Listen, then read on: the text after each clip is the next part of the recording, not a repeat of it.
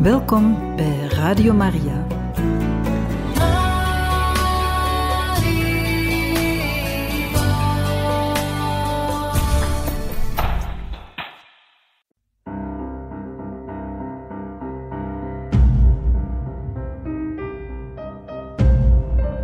Het woord spreekt.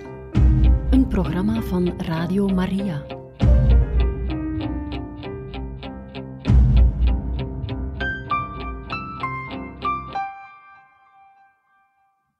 Beste luisteraars, welkom bij het woord spreekt.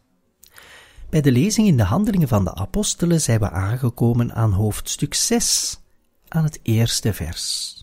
We lezen verder. In die dagen, toen het aantal leerlingen steeds groter werd, begonnen de Hellenisten te mopperen op de Hebreeën. Ze vonden dat hun weduwen bij de dagelijkse ondersteuning werden achtergesteld. De twaalf riepen daarop de hele groep leerlingen bij elkaar en zeiden: Het is onverantwoord dat wij het woord van God verwaarlozen om te kunnen zorgen voor de ondersteuning. Zie daarom uit, broeders, naar zeven personen uit jullie midden, die goed bekend staan, vol van de geest en van wijsheid. Hen zullen wij dan met deze taak belasten, terwijl wij ons blijven toeleggen op het gebed en de bediening van het woord. De hele groep stemde met dit voorstel in. Zij kozen Stefanus, een man vol geloof en heilige geest, en verder Philippus, Prochorus, Nicanor, Timon, Parmenas en Nicolaus, een proseliet uit Antiochië. Ze droegen hen voor aan de apostelen en die legden hun nagebed de handen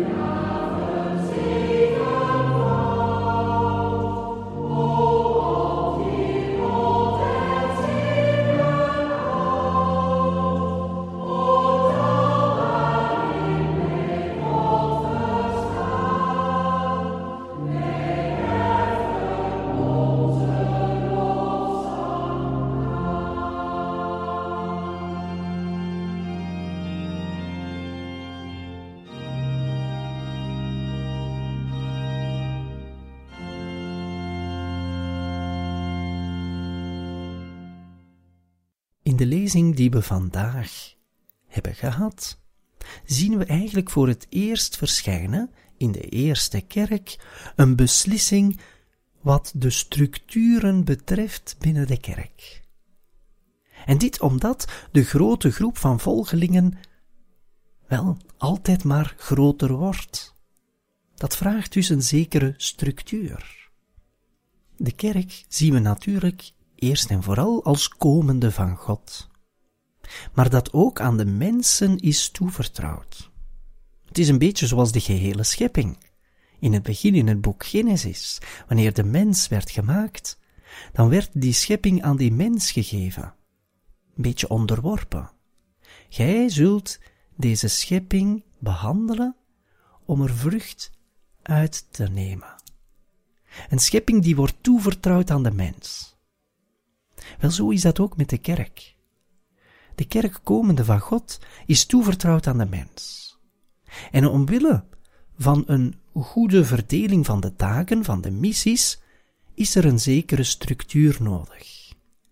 En de eerste keer dat er een beleidsbeslissing wordt genomen, zeg maar, in die eerste kerk is nu, vandaag, in die lezing die we hebben gedaan.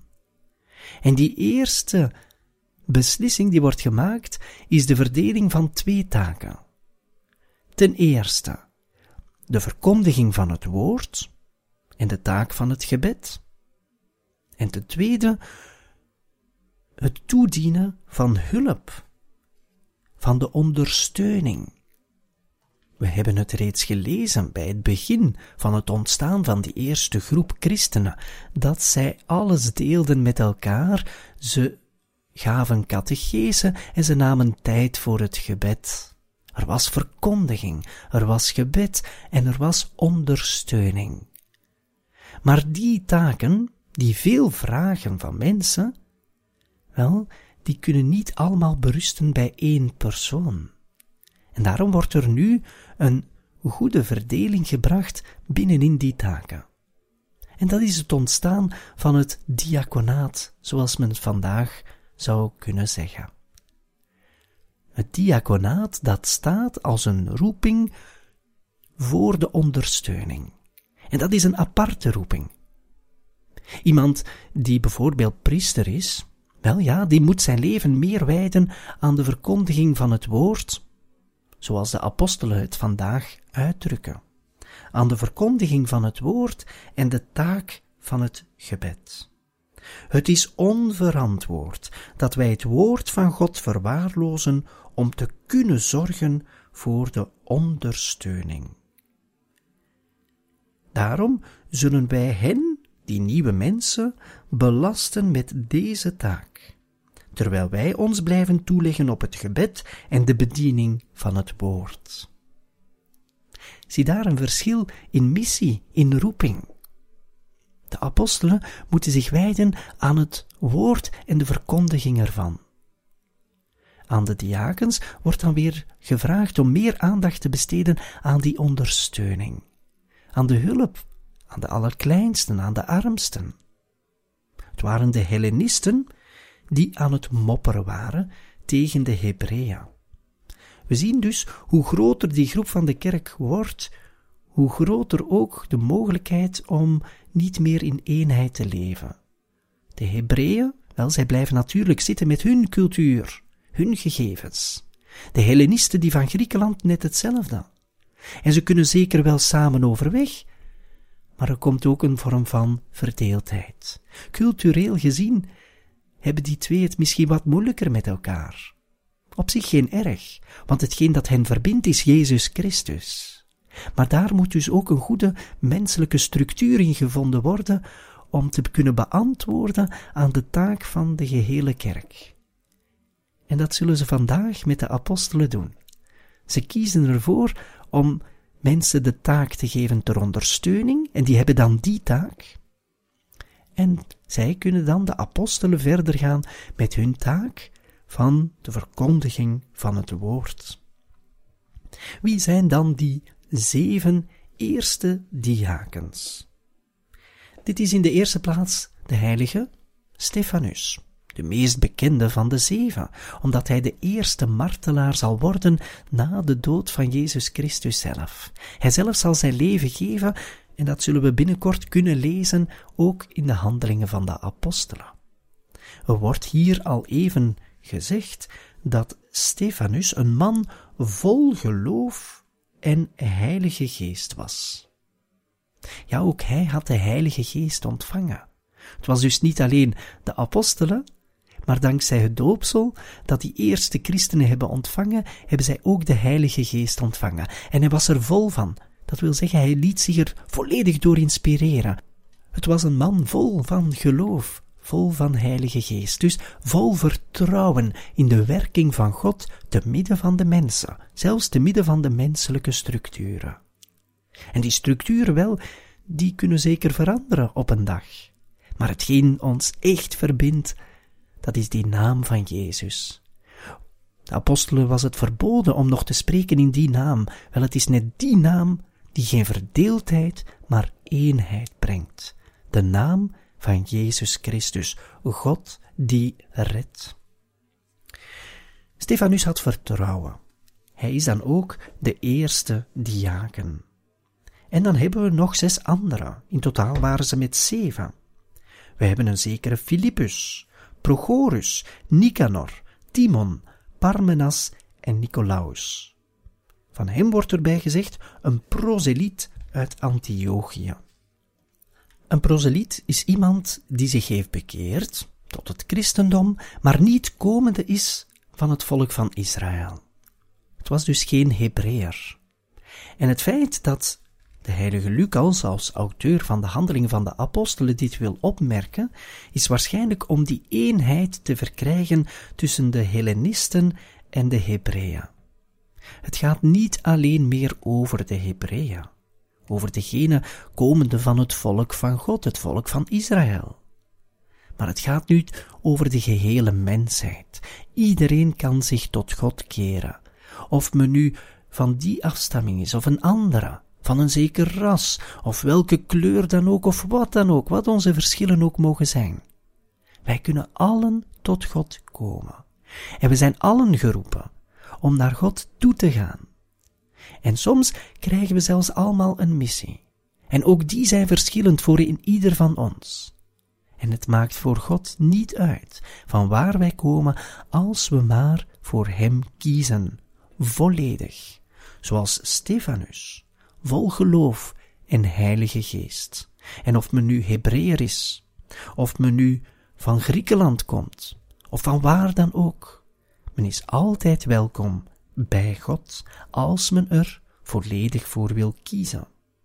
En zo was Nicolaus een proseliet uit Antiochië, iemand die zich had bekeerd van bij de heidenen, maar die zich volledig ten gunste ging stellen van de kerk en van zijn missie als diaken. Later zal dit vraagstuk zeer belangrijk worden tussen de apostelen. Moeten wij verder gaan met die volledige traditie meegekregen door het volk van Israël, of moeten we volledig vernieuwen? Daarop zullen ze later, geïnspireerd door de Heilige Geest, een antwoord vinden.